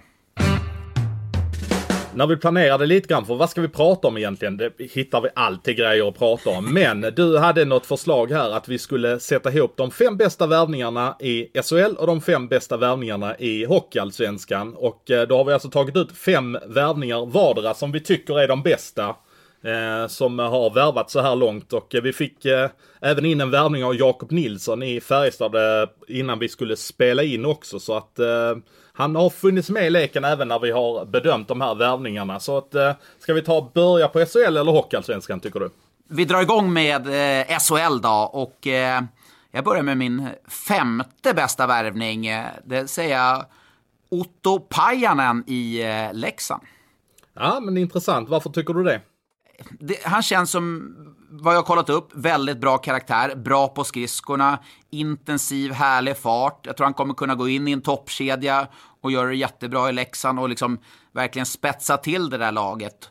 Och ingen heller så här bekväm spelare har jag fått uppfattning om när jag pratar runt, utan gedigen, bra tvåvägsspelare som kommer kunna landa på 30 poäng säkert och eh, jag tror inte man ska förvänta sig 40 poäng, men 30 fina poäng och göra ett bra tvåvägsarbete. Nyttig värvning. Jag ska säga det också att eh, jag tänkte så här när jag tog ut min topp 5 att nu ska jag inte slå in en massa öppna dörrar här och ta ut de givna spelarna. Nu ska det vara lite rolig lista. Så nu kommer min femma här då. Men vänta nu, du tar, du tar en... Ska vi göra den bästa värvningen eller skulle vi göra den roligaste Nej, listan? jag tycker det här är de bästa. Vi, jag utgår från vad jag tror hur det kommer att se ut i SHL. Okej, okay, tack. Ja. tack.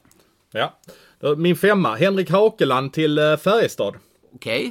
Ja, Nej, men jag, jag har bara hört bra saker om hans utveckling i eh, Finland. Eh, gjort jättebra. Eh, först i TPS Åbo, sen i eh, Koko var han va? Och eh, har gjort jättebra resultat, var bra i Timrå dessförinnan.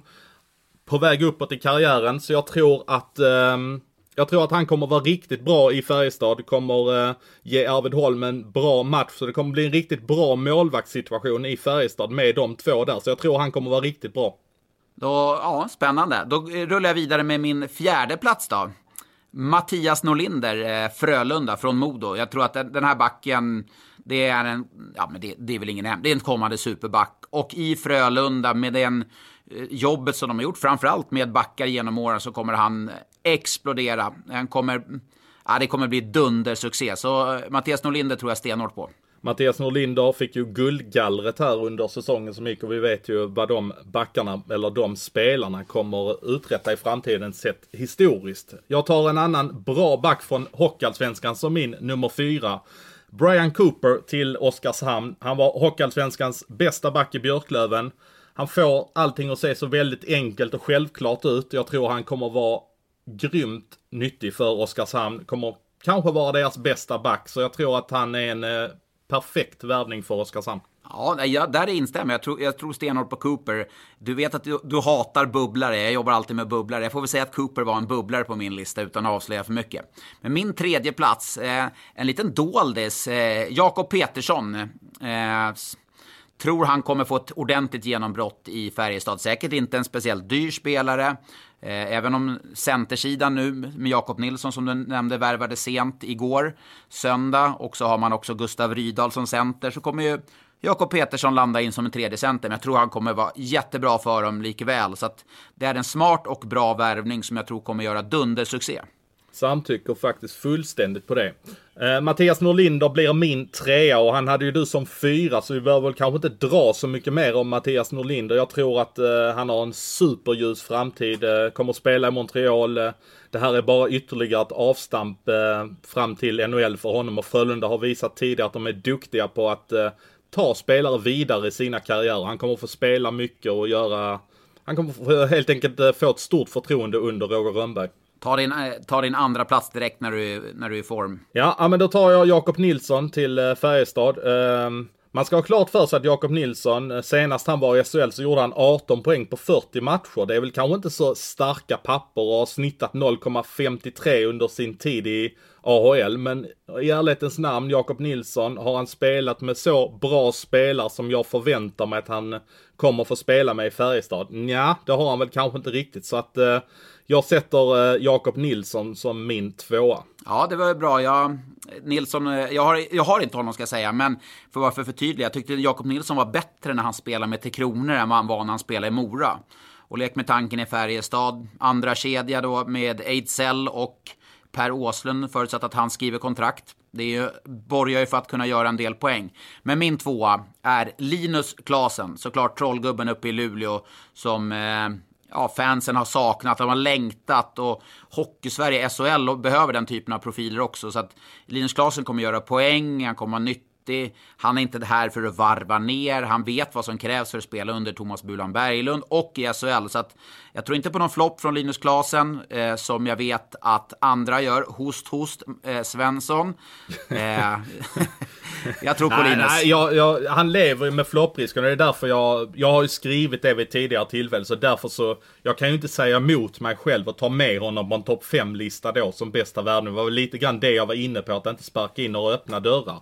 Så äh, jag har faktiskt satt en spelare som du redan har på din lista som äh, min etta. Jag har faktiskt satt äh, Pajanen som etta. För jag tror jag har, hört så, jag har hört så pass goda referenser om honom. Jag menar han var ändå MVP i slutspelet när äh, HPK vann här för någon äh, säsong sedan. Och äh, jag tror han kommer vara som klippt och skuren där i Leksand. Det är precis vad de behöver. Och, ähm, nyttig spelare, jobbar hårt. Alltså, jag har bara hört bra saker om honom så att jag, jag tror faktiskt stenhårt på honom. Han kan vara en riktigt klockren värvning. Eh, en fråga, inte för att ta någon heder eller ära från Leksand, men Leksand är, var ett bottenlag i fjol, kanske inte det attraktivaste laget att gå. Varför går då en, som du säger, den bästa värvningen hittills? Varför går han till Leksand? Ja, men jag tror helt enkelt det är så att uh, han ser möjligheter att uh, få synas mycket. Han kanske vill vidare till uh, någon annan större liga.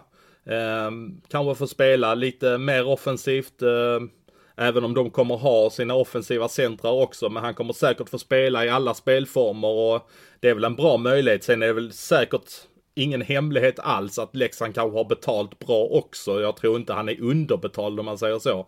Men jag tror att det, det känns som ett bra val av honom för att ta ett avstamp i karriären. Ja, min etta såklart. Som back ska man välja ut en back. Eh, Filip Berglund, eh, till, eh, från Skellefteå till Linköping.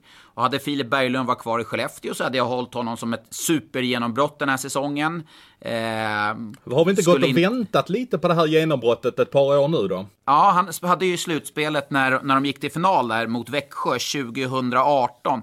Tyckte jag, då kändes det som att då, tillsammans med Fredrik Lindgren, verkligen tog steget. Sen har han varit lite i skuggan av Jonathan Pudas eh, några säsonger. Nu, nu hade han varit kvar i Skellefteå och fått en större roll, men i Linköping blir han ju första back tillsammans med Jonas Junland. Kommer få spela powerplay. Linköping så kommer ha ett mer skillat lag. Jag, jag tror stenhårt på Filip Berglund. Det blir en säsong för honom. Sen kommer han åka över till Edmonton som han är draftad och kanske till och med han är, han är till och med signad av dem nu. Han är till och med, ja precis, ja då var ju inte det någon stor grej då. Men han är, eh, det är en riktigt, riktigt vass spelare. Det var SHL det. Uh, vi har även, eller du satte mig på uppdrag att plocka ut det i Hockeyallsvenskan också. Jag river av uh, nummer fem direkt där. Sebastian Olsson från Timrå till Modo. Tycker det känns som en väldigt bra värvning av Modo. Kanske hamnat lite i skymundan av Dahlén-gänget där i uh, Timrå.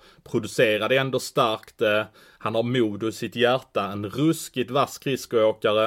Uh, jag tror han kommer vara bra. Den jäveln, han satt ju, jag har sett någon bild, han satt ju med en jävla guld-t-shirt med Modo från 2007. Ah. Ja, det, det gillar inte du. Då försvann han från din lista. Ja, men hade vi i Timrå då, vi får jag säga när jag spelade i Timrå, hade vi vunnit, hade han säkert suttit med Timrå-tröja. Han var väl den åldern han bara höll på de som vann säkert. ja, det måste vara så. Nej, då. Nej, men det är en bra värvning. Eh, men jag lyfter fram som min nummer fem, Axel Bergqvist i, eh, som har värvats till Karlskoga. Eh, har spelat en säsong i den kanadensiska juniorligan nu. Var helt okej okay i Leksand i Hockeyallsvenskan när de gick upp. Eh, stor, stark. Det här, är en, äh, men det här är en back som jag tror kommer bli skitbra faktiskt i, i Karlskoga. En spelare som jag tror kommer bli skitbra och ta nästa kliv i sin karriär är Anton Heikkinen som har värvats till Södertälje från Kristianstad. En, eh, en bra målskytt, gjorde väl 15 poäng, eller 15 mål för Kristianstad säsongen som gick. Eh, har fått sin hockeyfostran i HV71, har väl varit inne och spelat i SHL också. Ung, utvecklingsbar, eh, får bättre lekkamrater. Ja, nog kan han väl kanske ha en eh, 20 mål i sig om han får eh, spela med rätt gubbar. Ja, då drar jag av min eh, fyra här då. Ehm, då säger jag Sebastian Olsson där. Och trots att han satt där med den modetröjan. Men där är ju kommentar, du har ju sagt det mesta om honom, så jag går direkt på min trea. Karl Johansson, som har gått till Björklöven. Från, nu är du riktigt eh, tråkig, för det är min trea också. Så du kan få prata om honom, så tar jag två, min tvåa direkt på det då. Ja, men då vi kör vi Karl eh, Johansson där, som jag tycker var ju ruggigt bra när han var i Oskarshamn. Och under Per Kenter då, med den, den typen av spel som de kommer spela. Vi har, det vart inte lyckat i Växjö. Han kanske skulle ha varit kvar i eh, Hockeyallsvenskan ett år till. Eh, var bra nu när han har varit i den österrikiska ligan. Nu är han liksom en trygg miljö, han kan spelet. Eh, han kommer att vara riktigt, riktigt bra för dem. Östersundskille så får andas lite norrländsk frisk luft igen. Bara en sån sak. Kör på det med din tvåa nu Svensson. Ja, han har vi pratat om redan, eller du har redan pratat om honom. Axel Bergqvist, jag hade hoppats att du skulle missa honom, men det var väl lite för att hoppas på för mycket att du skulle missa en back. Han har ju gjort det grymt bra i juniorligan där borta. Han var ju inte alls någonting eh, vi pratade om när han eh, var i Leksand, eh, men han har ju levererat grymt bra med poäng där borta i juniorligan, så det kändes väldigt spännande när BIK Karlskoga hade värvat honom tycker jag. Ja, det kändes ju som en spelare som nästan hade kunnat, ett SHL-lag hade kunnat chansa med lite som en, liksom en billig security guy, en sjunde back så. så att, ja, men definitivt. Men jag tror att han gör helt rätt och, och tar ett år i Allsvenskan, kanske får en stor roll. Han och Ville Westlund kommer väl säkert vara deras etta och tvåa. Så, ja, så är det ju. Då, det är en bra etta, tvåa back där. Eh, jag, eh, på min andra plats så sätter jag Anton Holm. Eh, jag tycker att Anton Holm var jättebra när han spelade faktiskt i Skellefteå den korta tid. Och, um, ja, men jag är förvånad att han inte fick ytterligare chans i SHL eh, efter det han ändå visade upp de matcherna i, eh, där uppe i norr. Men i Hockeyallsvenskan så har vi sett massvis med år hur, han, hur pass bra han är, hur mycket mål han gör. Han kommer få en bra omgivning med Weigel och Heinerö. Han, kom, han kommer ösa, han kommer förmodligen vinna skytteligan i Hockeyallsvenskan. Så att det är en klassvärvning rakt igenom. Ja, det är nästan ett hån att jag inte har med honom på min lista. Men eh, jag tänkte lite så här att eh, AIK... Du skulle ha en rolig gjort... lista. Du skulle ja, nej, ja, men det ska vara en roligare lista. Jag tänkte AIK ska väl inte få dominera hela listan. Utan vi kan väl prata om lite andra spelare också.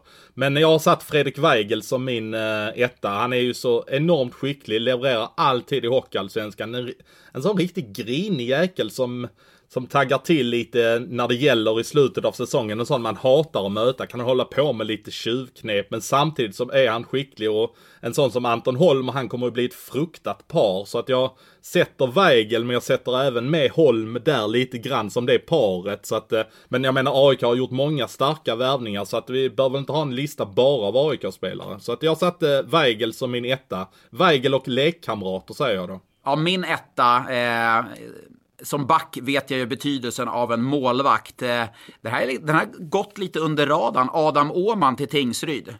Oj, Ett, oj ja, det jag, var ju lite spännande att du satte honom som etta. Men, ja, men det, det, känns ändå intressant.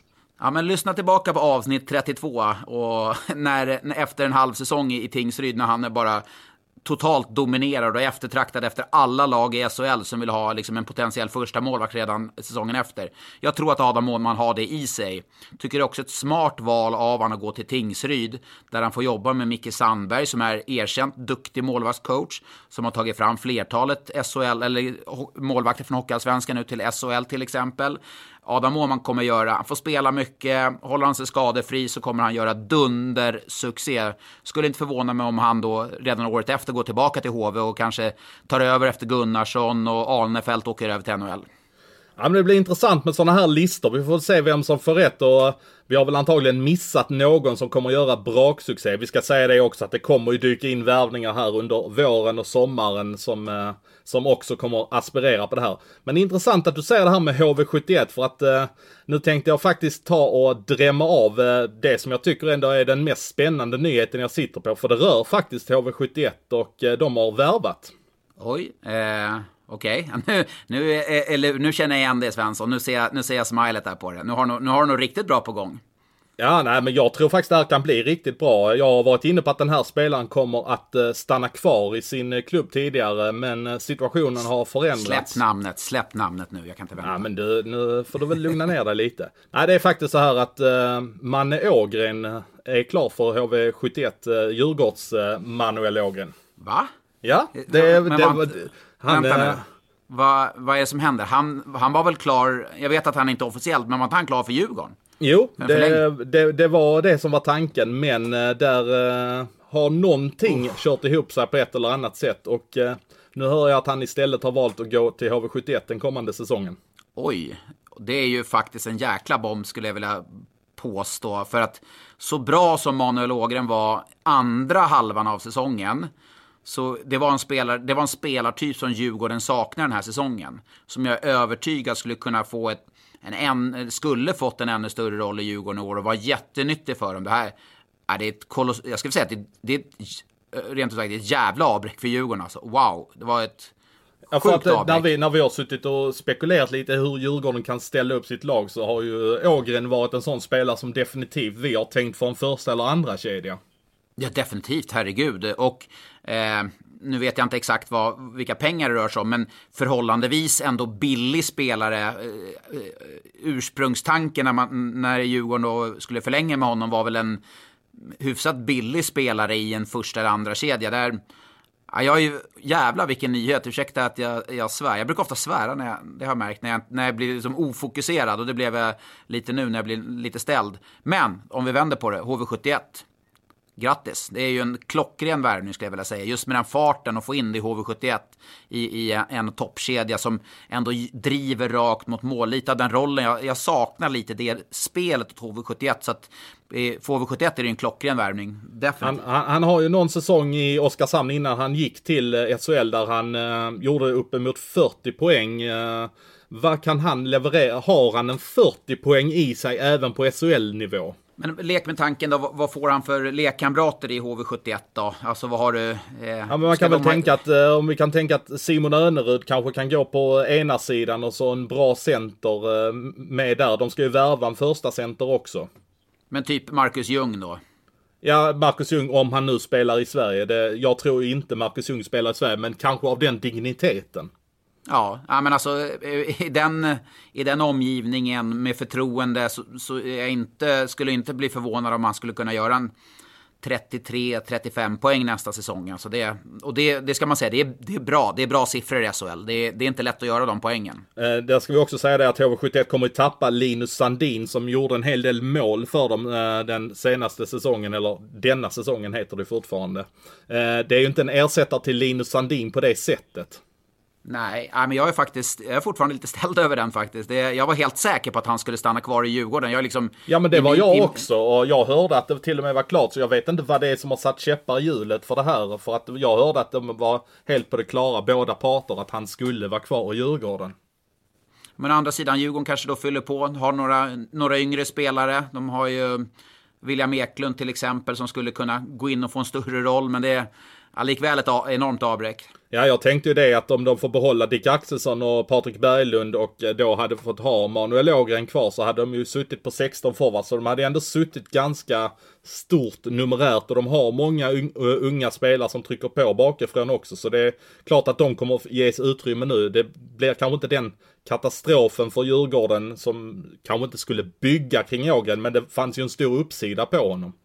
Men sen kan det också, med respekt för den, den omvärld vi lever i nu, med sponsorer som, jag menar, som inte klarar att, att kanske fullfölja sina avtal med föreningar och föreningar som inte vet vilka pengar de har att röra sig vid och missade intäkter, vet inte när säsongen kan starta. Vi har läst om Karlskrona den gångna veckan, vad, hur tufft de har det. Kanske Djurgården som sitter på redan dyra, tunga kontrakt. Då måste man offra någon. Det kan ju vara en sån sak. De kanske var tvungna att offra en sån som Mogren. Absolut, jag tror ju att eh, Jocke Eriksson kan ju vara en av de mest ansvarstagande sportcheferna i hela ligan som jag skulle säga det. Han, eh, han tänker inte bara att han ska ha det bästa laget utan han tänker långsiktigt för Djurgården Hockey. Ja, nej, nej, men eh, ja, då ska man ju försöka få in kanske Dick Axelsson då, då eller eh, Patrik Berglund. Och det, det vet man ju inte heller med, med ekonomin vilka, vilka av dem man kommer kunna landa. Men vi var inne på det förra veckan. Hade jag fått välja två av de här tre, Berglund, Axelsson och Ågren, så hade jag försökt lasta på, eller lasta, försökt fokusera på Ågren och Axelsson. En spelare som eh, inte kommer vara kvar i Djurgården, vilket har stått klart eh, eftersom han blir eh, förstaårs eh, senior då. Eh, men han var inne och spelade 11 SHL-matcher i Djurgården som eh, under säsongen här som gick. Eh, Rasmus Kahilainen, han kommer inte vara kvar, han kommer gå ut i Hockeyallsvenskan. Det var en annan nyhet som jag tänkte berätta. Han ska vara klar för Södertälje. Ja, intressant värvning. Jag har eh, jobbat några matcher när Kajlainen har spelat, bland annat när de mötte Linköping borta här i vintras. Förresten samma match som Dick Axelsson gjorde comeback. Eh, eh, men en intressant spelare, kanske inte den här supertekniska färdigheten, men bra vilja, bra på skridskorna, skulle kunna ta sats i Hockeyallsvenskan och, och göra det bra. Jag tror inte någon poängsuccé kommer man inte ha att räkna, men en, en gedigen bra tredje, fjärde kedjespelare inledningsvis. Ja, men det är väl smart av honom att gå ner och spela i Hockeyallsvenskan? Definitivt, ja herregud. Det är, det är ju utvecklingsligan, vi säger det igen. Ja, men alltså det, det är en jättemöjlighet för en sån, den typen av spelare. Det finns ju till och med eh, spelare som måste faktiskt ta eh, ännu ett steg ner och, och eh, liksom ta sats i Hockeyettan och sen jobba sig upp därifrån eh, och få chansen att spela i Södertälje, ändå ett lag som kommer liksom mönstra Eh, liksom ett, ett bra lag som kommer kunna aspirera på en slutspel, eller ska vara ett slutspelslag ska jag säga nästa år. Så att, eh, ja, intressant värvning. Ja, nu har vi hållit på länge, men eh, vi sa det nu när ja, det är sista. Det, ja, men sista Svensson, vi bara kör på. Ja, nu kör vi bara. Nej, vi, vi har fått frågor och det har trillat in mycket frågor denna veckan också. Alltså jag vet inte om det blev någon form av rekord. Det var väl 80 plus frågor som trillade in till dig. Men det har även trillat in i mailkorgen och eh, jag tänkte jag drar den från mailkorgen direkt. Den kommer från eh, Sigge. En, eh, en välkänd Rögle-supporter. Det var väl han som eh, drog av den där roliga eh, grejen med hur mycket Just. är det kvar på, Just av perioden. Klassiker, klassiker ja, Sigge. ja. Ja. ja han gillar ja. man. Ja. Han skriver så här. Ni har tidigare avsnitt sagt att det kommer bli svårare för SHL-klubbarna att knyta till sig klassspelare på grund av coronan och försämrad ekonomin. Min fråga är om det verkligen behöver bli så. Tillgången och efterfrågan på spelare är oförändrad och pandemin slår globalt och därmed alla ligor. Hackordningen mellan ligorna kommer troligtvis vara samma som tidigare, NHL, KHL, Schweiz, SHL. Vad tror ni om mitt resonemang? Ja, eh, jag skulle vilja säga att han har en, Sigge har en poäng, definitivt. Men det forts, fortsatt så kommer det vara...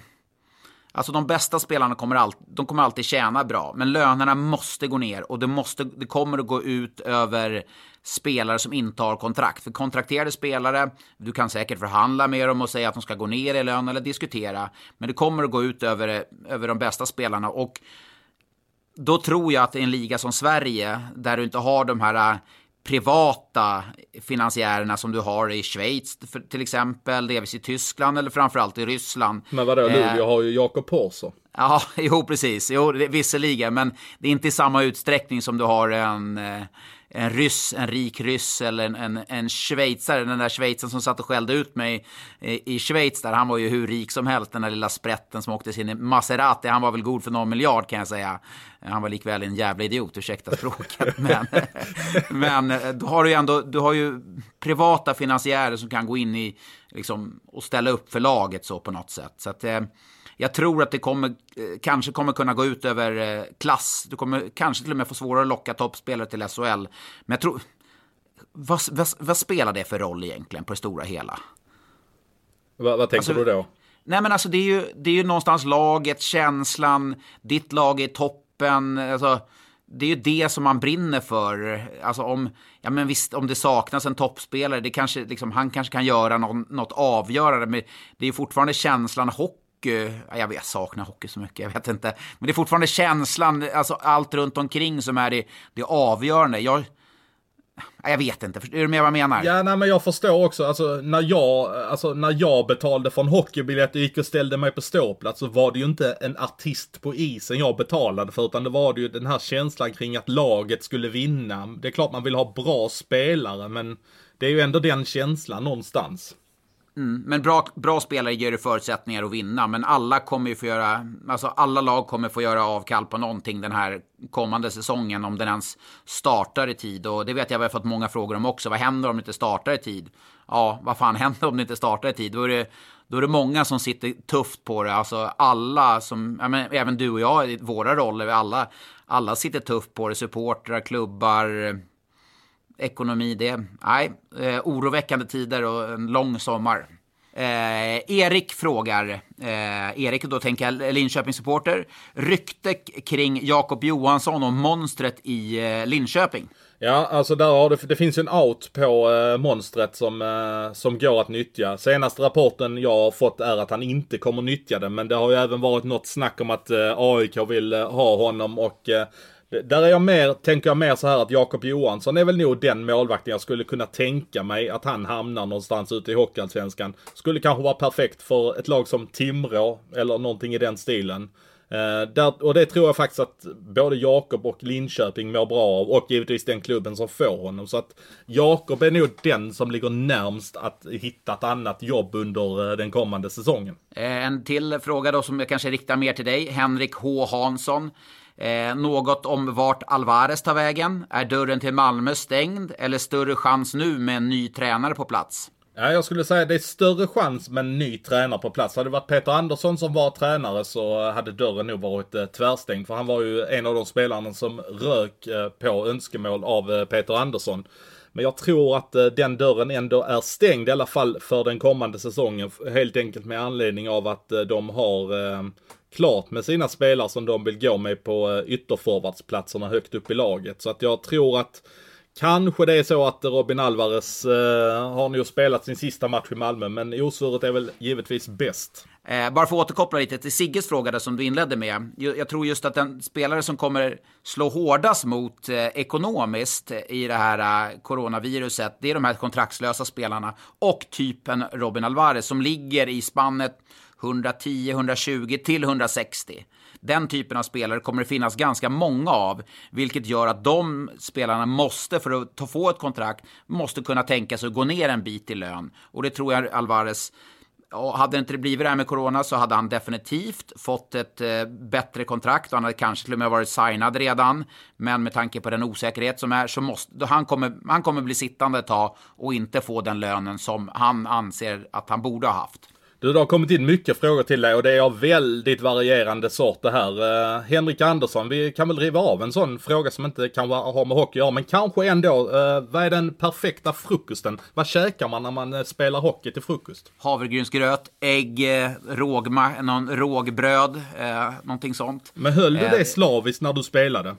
Ja, det gjorde jag. Jag var, jag var jättenoga med, med kost. Till exempel så åt jag aldrig pizza under säsongen. Bara en sån sak. Bara för att jag tyckte att det var onyttigt och jag skulle bli tung och, och inte hänga Ja, men det är väl just det där att man blir väldigt tung i kroppen när man äter en pizza. Alltså man vill lägga sig på sofflocket och man känner sig ju tung. Man är ju tung ändå, men eh, men man känner sig tung eh, säkert ett halvt dygn efter man har tryckt i sig en pizza. Ja, men det, nu efter karriären har jag eh, tagit igen det med råge kan jag säga. De där, en söndag, en pizza och Ja, jag vet inte hur jag säga det, men ett glas mjölk till pizzan, det är, det är gott alltså. Alltså, så du är en mjölkdrickare till pizzan? Jag är ja. ju mer en koladrickare, men många föredrar ju öl till pizzan också. Ja, nej, en, ett glas mjölk till, till en calzone eller en capricciosa, det, det är inte fel. Men du, nu ska vi inte prata eh, mjölk eller capricciosa. Harald Mattsson frågar, resonera lite kring Rivik, att han tycks välja hjärtat före hjärnan. Alltså eh, Marek Rivik som, som valde Leksand före kanske andra konkurrenter som eh, Harald Mattsson säger är starkare så som Färjestad och HV71. Eh, Höken tycks tro att enda anledningen att man inte vill spela i Malmö är på grund av att man ej får tillräckligt betalt. Kan det bero på trötta fans? Nej, men berätta lite om Rivik där. Vad, vad tror du anledningen att han stannar i Leksand? Är det klubbhjärta? Ja, men alltså jag tror ju någonstans att han vet vad han får. Plus att Leksand kanske har någonting bra på gång. Kanske blir lite taggad av en... eh, av att det kommer en ny tränare. Um, lite så. Um, sen är det väl klart att Leksand har ju säkert betalt honom bra. Jag, eh, jag vet ju att Malmö tidigt var på honom, men eh, det som man säger där med pengarna är ju faktiskt intressant för att eh, vad jag förstod det så var de inte ens nära att kunna vara med och matcha där helt enkelt. Så de gav sig väl aldrig riktigt in i det för att de pratar liksom inte samma språk. Eh, eh, så att det var väl mer det som jag tror att det aldrig riktigt blev aktuellt med Malmö. Jag, jag hörde väl närmast då att det var HV och Färjestad och de som ville vara med och leka lite mer och, ehm, och säkert vara med i någon form av budgivning eh, kring det. Ja, eh, men eh, jag tycker att det är kul att spelare som Rivik, att han väljer att stanna ändå i, i Leksand på något sätt. Oavsett om det är av lön eller vad det må vara. Men det är, för, det, det är inte tal om klubbhjärta på det sättet. Men det är ändå en skön signal till fansen att man, man trivs och man är beredd att spela vidare. Och jag tycker att Rivik under hela säsongen, han spelade ju jäkligt uppoffrande. Han levererade offensivt. Men nu ska jag sätta det på plats, Svensson. Jag såg att du twittrade att han skulle göra eh, norr om 45 poäng, eller vad skrev du? 40-45 poäng? 40-45 poäng. Nej, 45-50 till och med skrev jag. Uff, lugn nu. Det, där, det här är jag beredd att betta emot faktiskt. 37, ja, men... han gör inte mer än 37 och då, då är det... Okej, okay, du, okay, men eh, ska vi sätta 37 på någon form av gräns då eller? Ja, sätt 38 då. Ja, 37,5 säger vi då. Precis, 37,5. Ja, och, och jag vad... säger att han gör fler då, men då bygger du givetvis på att han spelar 50 plus i matcher då. Ska vi ta middagen då på, hos Dave på Claren Hotel Sign eller? Då kör vi den middagen då. Ja, precis. Jag är väl redan skyldig dig den där middagen, men... Uh, det blir en, ja. det blir, uh, du, du, får en förrätt också, för jag vet att du gillar förrätter. Ja, det är gott det vet du. Vi tar en av Brynäs. Tim Svanberg frågar, har Brynäs redan gjort en alldeles för dålig silly season? Har de verkligen gjort en dålig silly season? Jag tycker ju Tom Hedberg är en grym värvning av dem till exempel. Ja, Kristoffer Berglund är väl en, i grunden en gedigen och bra SHL-spelare. Eh, Adam Pettersson känns ju som en spelare som har stått och stampat flera år, skulle potentiellt kunna ta steg. Man har ändå gjort förändringar i, i truppen och tagit bort Jakob Blomqvist som säkert var en, en stark röst, men man behövde nya röster i omklädningsrummet. Så att, eh, och framförallt Sallinen är ju bortplockad också. Ja, ja, en sån sak också. Så skulle jag vilja säga just att Peter Andersson där och, och även Viktor Stråle och eh, fått in en, för första gången en eh, analytiker också, bara en sån sak som, som liksom kan ge dem ytterligare verktyg och förutsättningar att lyckas. Så att en dålig silly tycker jag definitivt inte att man har gjort. Nej, jag håller med. Att jag, det känns ju som att de är mer spännande än på ganska länge. Det skulle jag vilja säga. Och då, det säger väl visserligen kanske inte så mycket när det gäller Brynäs. Ted Vincent frågar, och det är många som frågar. Det känns som att Oskarshamn, det är det laget som engagerar nu. Jag vet, det, det har nog aldrig skrivit så mycket om Oskarshamn som det har gjort i media de senaste veckorna här. Men Ted Beror det på att det inte händer så mycket eller är det för att de faktiskt engagerar på riktigt? Ja, det händer inte så mycket. Så har man, de är väl det, det lag som har varit kanske det mest aktiva på, um, på spelarmarknaden nu under silly season. Och då frågar Ted Vincent, och många andra gör det också, vad tycker ni om Oskarshamns truppbygge? Ja, nej, men det är väl, vad ska man säga om det? Alltså, det är klart att det, det, finns mycket uppsidor i det man värvar, men Oskarshamn har ju ändå någonstans insett var de är i näringskedjan. De är ju kanske nummer 14 i svensk hockey. Så då får de ju värva av nummer 15 och nummer 16 i svensk hockey, vilket då är Björklöven och Modo. Så att på så sätt så är det väl rätt att man gör det. Alternativet hade väl kanske varit att ta in någonting som är helt oscoutat från Nordamerika då. Det hade väl risken varit att det hade blivit eh, som det blev här förra säsongen med, jag minns inte ens vad de heter, de där flopparna som, eh, Nej, som kom det... in under förra säsongen. Nej men alltså samtidigt så är det, de måste värva billigt och utveckla spelare. Det, det är det det handlar om. Och då, nummer ett tycker jag man har gjort det väldigt bra att ta in en tränare i Martin Filander som är erkänt duktig just på det. Jag tror också nu när man presenterade Mattias Kärnqvist och Jeff Jakob som är där sedan tidigare. Känns som en bra ändå, det, pigg tränartrojka måste jag ändå säga för för, för Oskarshamn. Men ska man vara med och bråka med ISL så är det klart att man behöver få in eh, mer spets. Jag hör att man jagar en eh, första center till exempel. Eh, men det som är, måste utveckla spelarna varje dag. Den, alla spelare måste bli bättre från första till sista matchen. Det är allt det handlar om. Och jag, jag, jag, har ingenting, jag säger ingenting om truppbygget. Jag tycker att det är rätt intressant. Det är inte ett, ett stjärnfyllt lag, men ett ganska intressant lag. Skulle potentiellt kunna ställa upp med en kedja med Tyler Keller, Palmberg och Salomonsson. Det är en bra kedja skulle jag vilja säga.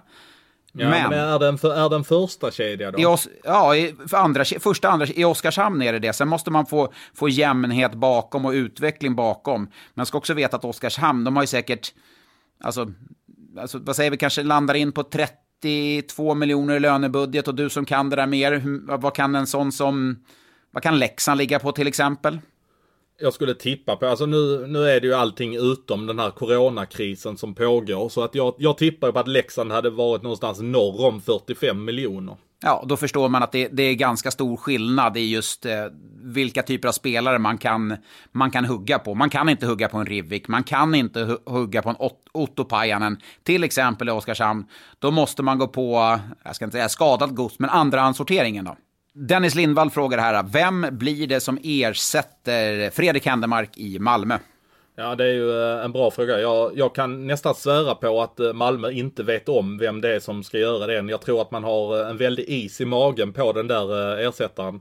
Just med tanke på läget så har man ändå någonstans marknaden på sin sida och det kommer nog finnas spelare lediga ganska lång tid här under sommaren. Så jag tror att man kommer sitta här och vänta in att det kommer rätt spelare och när man känner att det här känns rätt. Det här är den spelaren vi vill gå med som vår första center då värvar man den spelaren och så kanske man har fått ner priset för ekonomin är som bekant inte särskilt bra i den klubben.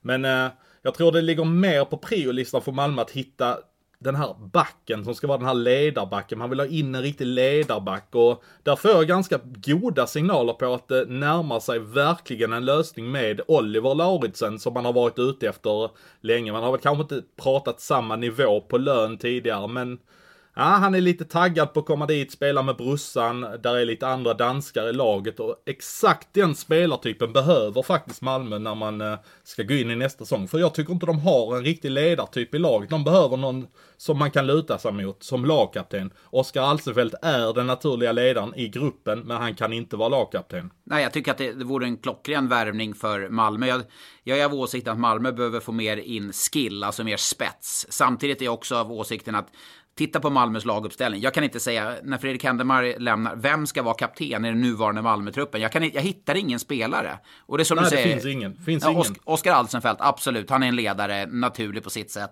Men det är klart, det går ju inte. Men då är ju Oliver Lauritsen, skulle ju kunna vara den typen av spelare. Skulle du få honom också på treårskontrakt, två treårskontrakt, så kan du bygga lite långsiktigt på honom. Eh, samtidigt finns det, det finns en utmaning för just Lauritsen. Du måste jobba varje dag med hans snabba fötter. Jobba varje dag. Det blir eh, Lilja, backtränaren där. Han måste varje dag jobba på det där. Annars, annars kommer han få det tufft i SHL. Ja, men det tror jag också. Det är verkligen en nyckel som, eh, som de behöver där. Så att, men jag tror också, han, han behövs och det, de, de kommer satsa mycket på att få in honom i laget. Och som sagt, jag hör goda signaler. Jag brukar ändå kunna nosa upp det mesta som händer i den klubben. Så jag, jag tror att det finns väldigt stor chans att han spelar i Malmö. Men du, vilket, vilket, vilken avslutningspodd vi hade. Det var ändå rekordlång, nummer ett. Och rekordmånga nyheter skulle jag vilja säga. Ja, nej, men det damp väl in en hel del där. Får väl säga att manågen där till HV71 var väl det som överrumplade dig absolut mest. Ja, nej, den såg, såg jag inte komma eftersom jag hade redan räknat in honom i, i den laguppställningen när man sitter och liksom kalkylerar lite hur, hur trupperna ska se ut. Så, så tog du mig på, ja, eh, ja, med byxorna nere skulle jag vilja säga där faktiskt. Ja, men eh, nu eh, tar vi och summerar, eller vi, summerar, vi har summerat en hel säsong i poddvärlden och eh, vi hoppas väl att vi kan hitta tillbaka här i höst. Vi hoppas att det finns så många som vill att vi ska komma tillbaka här om ett gäng månader. Ja, men vi har ju storslagna planer. Vi måste ju dela ut det priset som, som Luleå har fått, fått också i Alltså du menar svenska tärningsmästare 2020? Ja, det, det, måste delas ut. Vi vill ju åka ut på turné och träffa profiler. Vi, vi vill ju... Ja, vi har storslagna planer i alla fall. Ja, vi har verkligen det. det. Ni kommer nå oss eh, under hela sommaren, hela våren här på, eh, på våra respektive Twitterkonto och även i mailboxen om ni vill vara lite mer anonyma. Då har vi då i ett ord Sanny Svensson Expressen.se där vi eh, kommer finnas tillgängliga om, det, om ni har några feedback om det är någonting ni vill kritisera eller någonting ni vill berömma. Det är lite vemod det här känner jag, är inte det? Ja, alltså vi... vi vill som sagt, sluta. vi ska riva av det där plåstret och bara avsluta helt ja, enkelt. Jag vill bara fortsätta. Jag vill bara fort... ah, men du, vilken säsong. Tack så hemskt mycket för att ni har varit med oss hela vägen. Det har varit jättekul. Säsongen avslutades i förtid, såklart jättetråkigt. Men eh, det har varit otroligt kul att man har nästan fått en personlig kontakt med många när man skickar ut den här frågan. För det är ofta samma namn som dyker upp, vilket har varit härligt. Ja, jättehärligt att ni har varit med oss. Eh, vi eh, önskar alla en riktigt härlig vår och sommar och så ser vi fram emot en säsongstart i augusti eller september. Något annat vill vi inte ska ske. Nej, då, jag klättrar redan på väggarna. Eh, ja, nej, det måste igång. Men tack för att ni har varit med oss. Underbart kul och på återhörande.